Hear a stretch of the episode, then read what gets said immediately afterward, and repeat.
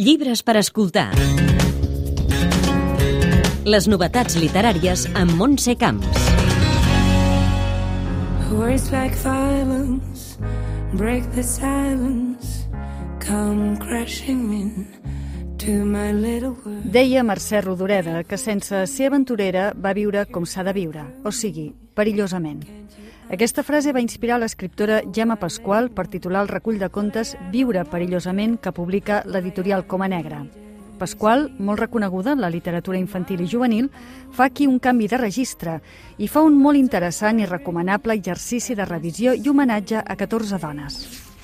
Plorava, sense grans escarafalls, sense grans sotracs, un plor molt de dintre, trist, molt trist i va pujar l'escala amb els polsos que li foradaven als costats del front i va obrir la porta i va tancar la porta i s'hi va clavar d'esquena, respirant com si s'ofegués.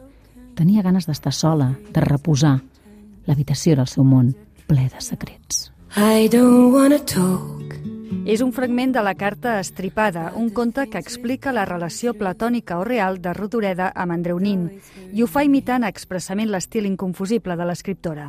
És un dels 14 relats que recreen cada un un episodi real de dones com Virginia Woolf, Caterina Albert o Anaïs Nin.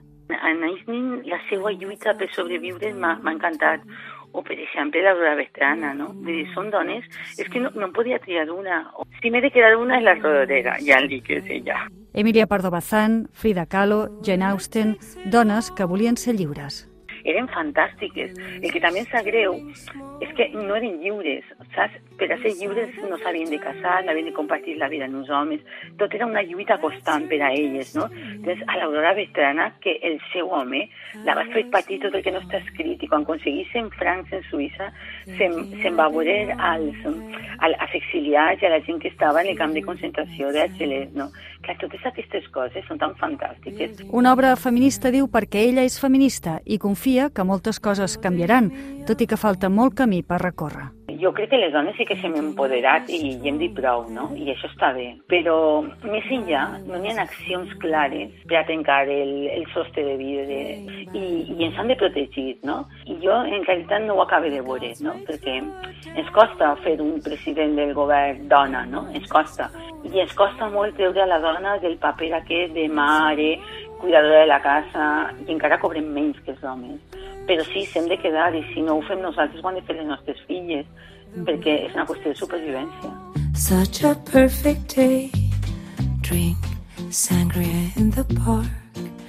La traductora Maria Climent fa el salt a la novel·la amb molt bona nota. Es diu Gina. Quan ets menuda no t'imagines que res pot anar malament. Lo futur és un bufet lliure infinit. És tot teu, és inabastable, és etern.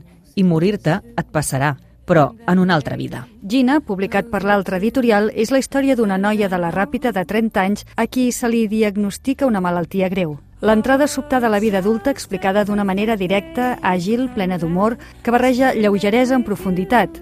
Un llibre que va a la recerca de la felicitat i que es converteix en un cant a la vida sense caure en estereotips. Apunteu-lo perquè val molt la pena. Please don't kiss me.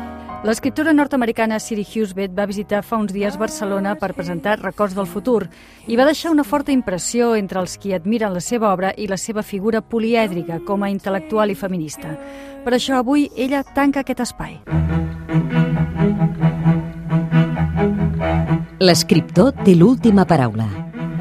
El que no se sent no es recorda, perquè sense emoció no hi ha memòria. Siri Husbeth. Llibres per escoltar. Les novetats literàries amb Montse Camps.